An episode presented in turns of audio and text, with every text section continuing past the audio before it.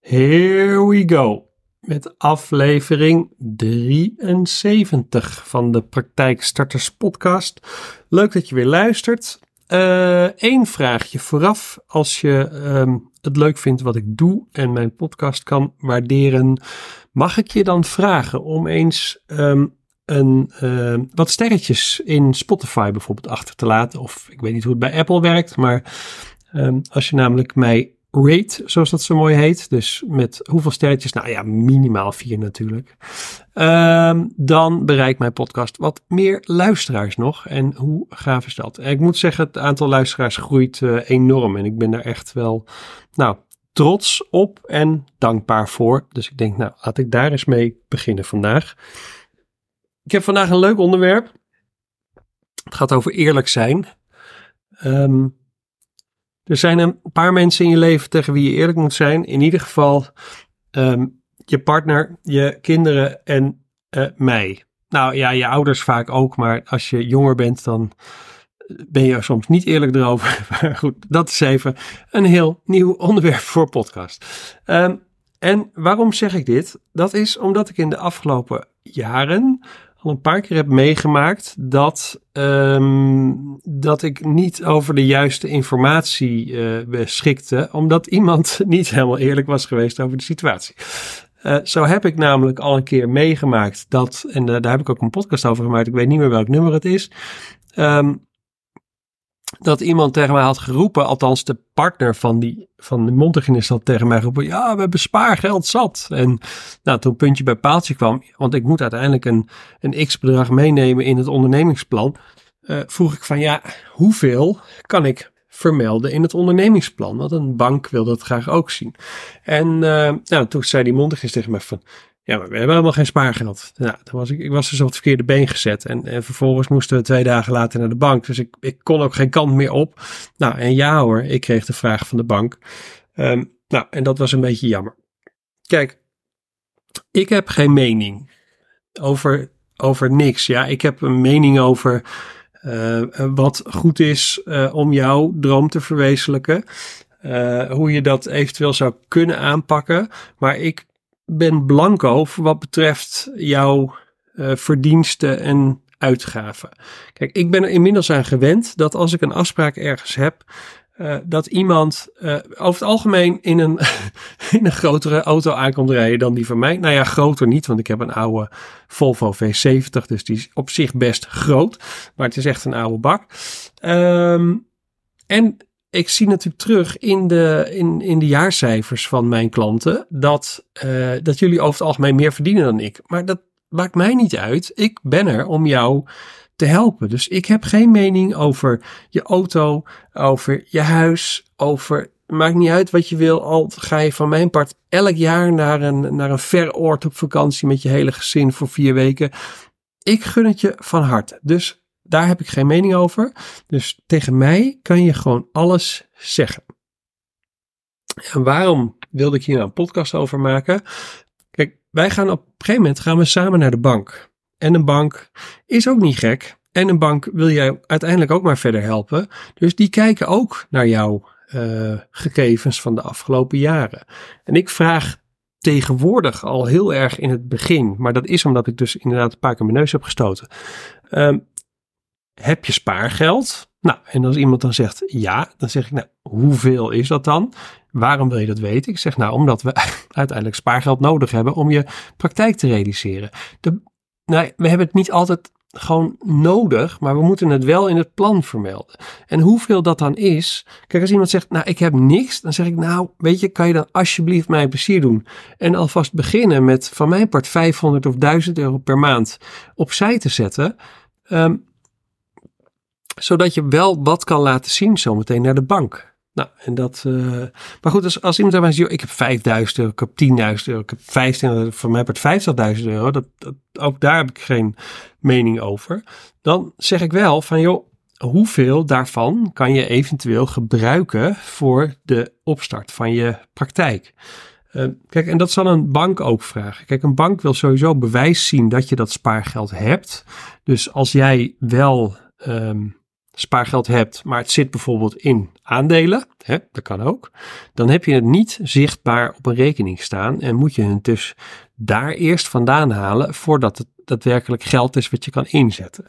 Dus een bank wil het liefst gewoon uit, nou ja, dat is ook wel een vereiste op het moment dat we een financiering aanvragen. Een bank wil uiteindelijk een screenshot hebben van de bankrekening, spaarrekening, waar dat geld dan op staat. Dus als ik in jouw plan uh, bijvoorbeeld 15.000 euro spaargeld meeneem, dat je dat zou kunnen inbrengen, dan wil een bank ook zien dat je dat geld ergens hebt staan. En zonder die screenshot ga je die financiering niet krijgen. Zo helder is het gewoon. Dus ik vraag heel in het begin: hoeveel spaargeld heb je? Uh, hoeveel daarvan kan je gebruiken voor de praktijk? Ik wil namelijk ook dat je nog een deel overhoudt. Want ja, je hebt ook een privéleven. En als morgen je auto, je wasmachine en je tv stuk gaan, dan moet je die wel um, kunnen vervangen. Dus ik vind het belangrijk dat je nog geld overhoudt. Vaak is dat een buffer van nou, weet je, kijk even naar hoeveel heb ik nou maandelijks precies nodig. En joh, zeg dat is 3000 euro. Nou, ik vind het altijd wel gezond dat je toch wel een buffer hebt van, van vier tot zes maanden. Dus weet je, probeer dat een beetje aan te houden. Voor hetzelfde geld um, breek je morgen je pols omdat je valt. Uh, kan je een tijd niet werken, heb je geen uh, arbeidsongeschiktheidsverzekering. En dan moet je ook zien rond te komen. Dus dan is het lekker Um, als je geld achter de hand hebt, waarmee je gewoon in ieder geval je, uh, je privéuitgaven kunt betalen.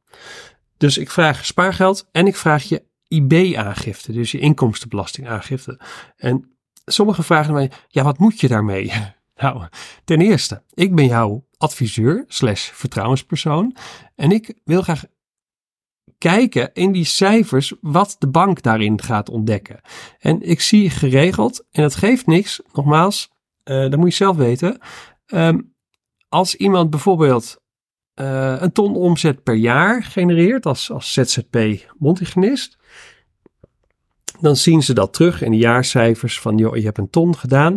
Nou, daar gaan kosten vanaf. Nou, laat die kosten, weet ik veel, 10.000 euro zijn. Heb je 90.000 euro over, daar moet je dan weer belasting over betalen. Dus uiteindelijk, uh, ja, geen idee, wat zullen we ervan maken? Nou, zeg dat je 50.000 euro overhoudt. Nee, je houdt wel 60.000 euro over. Um, om mee te doen wat je wilt. Nou, je kan dat in je bedrijf laten zitten. Maar je moet natuurlijk ook salaris hebben. Nou, als je dus, uh, als we even zeggen van, joh, je hebt, je hebt 3000 euro per maand nodig voor je, voor je privé, dan heb je dus 60.000. Nou, dan moet je dan in ieder geval 36.000 voor een heel jaar van afhalen.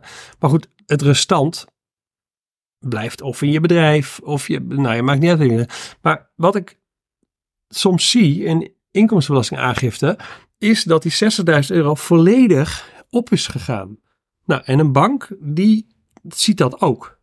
En dat geeft niet, nogmaals. Ik wil alleen wel van je weten wat is daar gebeurd. En dat lijkt een rare vraag, maar dat is het niet. Want een bank die valt het ook op dat hetgeen wat binnen is gekomen, dat dat ook weer eruit is gegaan. Kijk, en als je toevallig dit jaar een verbouwing hebt gedaan en je hebt besloten om alles uh, gewoon eh, met, met, je, met je spaargeld te betalen, met de inkomsten dat je ZZP te betalen, dan heb je een goede verklaring. Maar als je al drie, vier, vijf jaar achter elkaar ZZP'er bent en je um, al drie, vier, vijf jaar gaat ook alles wat je verdient uh, weer op en je hebt geen spaargeld, dan heb je wel iets uit te leggen aan een bank. Nou, en dus wil ik het voor zijn Um, zodat we, want we krijgen, we gaan die vraag straks krijgen. En ik had laatst ook een Montigenist, daar had ik alles voor doorgerekend. En die bleek inderdaad, um, nou ja, die had, wel, die had wel wat spaargeld, dus dat was op zich het probleem niet. Um, maar die, uit haar prognose bleek, het was een nulstart, dat ze in het eerste jaar niet zo heel veel ging overhouden. dus ik zei van, joh, hou er rekening mee dat ook een bank dit zometeen gaat vragen. Uh, nou, en dat vroegen ze er inderdaad. Nou, daar konden we een goede verklaring voor geven uh, waarom, dat, uh, waarom dat zo was. En toen was het ook allemaal oké. Dus daarom denk ik, joh, vertel mij gewoon alles. Wees gewoon eerlijk naar mij. Dan weet ik hoe ik daarop in kan spelen. En dan komen we straks met een, gewoon een goede toelichting en een goed verhaal bij de bank aan. Um, Want ja, weet je, ik krijg heel vaak vragen, ja, moet ik dit wel vertellen? En is het goed? En ik, had laatst iemand die had zwangerschapsverlof uh, uh, opgenomen. Ja, nou ja, dan, en, en ze had wel een, een arbeidsongeschiktheidsverzekering, dus daar was een deel van uitgekeerd. Ja, ze had ook nog meer uitgaven gedaan. Ja, dus er was niet heel veel spaargeld meer over. Er was gelukkig nog wel wat. Ik zeg, nou, dan doen we het gewoon daarmee. En dan geven we gelijk de toelichting erbij van, joh, je bent met zwangerschapsverlof gegaan. Dat is ook niet zo gek, want dat, ja, hoort bij het leven. Uh, en bij zwangerschapsverlof hoort ook dat dan je spaargeld gewoon een beetje opdroogt. Nou, dat is bij jou ook gebeurd. Nou, en zometeen ga je weer aan het werk en bouwt het zich weer langzaam op. Nou, dat hebben we ook als toelichting geschreven naar de bank. En die maakten er ook, die hebben er helemaal geen vragen meer over gesteld. Nou, en dat is eigenlijk wat ik, wat ik uh, wil meegeven. Van joh, ik vind niks van hoe jij je leven indeelt. Ik gun iedereen alles wat, wat, wat hem of haar toekomt. Ik, ik, wil het alleen wel weten, omdat we straks samen naar de bank gaan uh, en die vragen gaan kopen. nou, en dat is dan wel handig dat ik als jouw adviseur en vertrouwenspersoon precies weet wat er is. Um, oh, ik had gisteren nog, dat was wel uh, ook een leuk. Werd we gaan, ik ga morgen, uh, morgen is het vrijdag, heb ik een afspraak bij de bank voor een financieringsaanvraag. En ik had gisteren alle stukken opgestuurd. Gisteren was woensdag. En dus de bank die belde me al gelijk smiddags van ja, we zien dat je een prognose hebt gemaakt voor de ZZP-inkomsten in 2024. Maar die prognose is voor uh, in slechts zeven maanden even hoog als de hele opzet in 22. En toen was ik even overvraagd. Ik zeg, nou, ik ga even mijn, uh, mijn klant uh, bellen of mijn appen, want mijn klant is natuurlijk altijd, dat ben jij, altijd in behandeling. Dus ik app, ik zeg, joh, hoe zit dat ook alweer? Nou, toen stuurde, toen stuurde ze gelijk terug van, joh, ik ben pas in 22 begonnen, dus dat is maar zeven maanden omzet geweest. En nu, ja, dus ik zit normaal veel hoger. Dus ook daar hadden we gewoon, weet je, zolang je gewoon eerlijk bent en een duidelijke verklaring hebt over dingen. Je mag ook gewoon gerust toegeven dat je soms, uh, ja, fout is een groot woord, maar dat je gewoon ervoor hebt gekozen om lekker een heel jaar op vakantie te gaan of je geld over de balk te smijten, maakt niet uit wat je ermee hebt gedaan, maar dat is ook een antwoord hè. En dan zeg je van joh, ik heb gewoon lekker geleefd. Heb ik ook wel eens een antwoord gegeven. Van joh, waarom is, waarom is al het geld uit de praktijk? Nou, mijn klant heeft gewoon heerlijk geleefd dit jaar. En uh, alles is eruit. En nu zijn we klaar voor de next step. En de next step is een, is een eigen praktijk. Kijk, ik hanteer binnen mijn eigen onderneming het, het zogenaamde profit first principe. En profit first houdt in dat elk bedrag wat binnenkomt, dat wordt verdeeld over potjes. En ik heb eigenlijk vier potjes. Eén uh, is voor belastingen. En in mijn situatie is dat dus BTW en inkomstenbelasting. Daar gaat een deel naartoe. Uh, ik heb één potje, daar moet ik mijn salaris uit betalen. Want ik keer mezelf elke maand gewoon een vast bedrag uit. Uh, ik heb één pontje daar, uh, dat is voor mijn kosten van mijn, van mijn bedrijf. Dus daar worden alle kosten uitbetaald. En ik heb één pot, daar gaat winst naartoe. En winst is in principe een potje wat ik mag gebruiken voor, maakt niet uit wat. Uh, meestal investeer ik weer of in, in hulp van andere mensen. Of ik ga naar een, naar een training of een seminar. Dus ik, ik investeer ook vaak geld in mezelf. Um, maar ik heb wel van tevoren berekend, hoeveel salaris heb ik nou nodig voor mezelf? Nou, en dat is dan ook het bedrag wat ik elke maand gewoon uitkeer naar mijn privérekening. En dat is mijn vaste salaris. Um, en dat geeft me zoveel rust. Want ten eerste, doordat je het geld wat op je rekening binnenkomt eigenlijk gelijk uh, verdeeld over deze vier potjes, blijft er niet zo heel veel geld staan op je lopende zakelijke rekening. En ben je ook niet geneigd om daar vandaan dan weer allerlei uitgaven te doen die misschien helemaal niet nodig zijn. En misschien ben ik wel een enorme um, cijfernerd. Ik hecht, ja, ik hou vet veel van, van, weet je, ik kan een mooie auto enorm waarderen, maar ik, ik hoef niet per se een hele dure auto. Daarom rijd ik in zo'n oude bak. Nou moet ik wel zeggen, over een paar jaar zal ik ook wel wat nieuwers gaan rijden, maar dan nog hoeft het allemaal niet te gek. Um, ik woon gewoon in een, in een normaal rijtjeshuis, wat super goed te betalen is. Maar omdat ik deze keuzes heb gemaakt, um, heb ik eigenlijk heel veel financiële vrijheid om daarbuiten uh, mooie dingen te doen. He, zo gaan we in 24 gaan we bijvoorbeeld twee, twee keer op vakantie. En we gaan en Um, in, de, in de meivakantie gaan we richting uh, Disneyland Parijs. En we willen nog in de zomervakantie, waarschijnlijk naar Spanje. Nou, en het jaar daarop gaan we weer, want we doen echt om het jaar willen we een wat verdere reis. Dus we willen in 25 gaan we waarschijnlijk weer naar een mooi zonnig oord ver vliegen.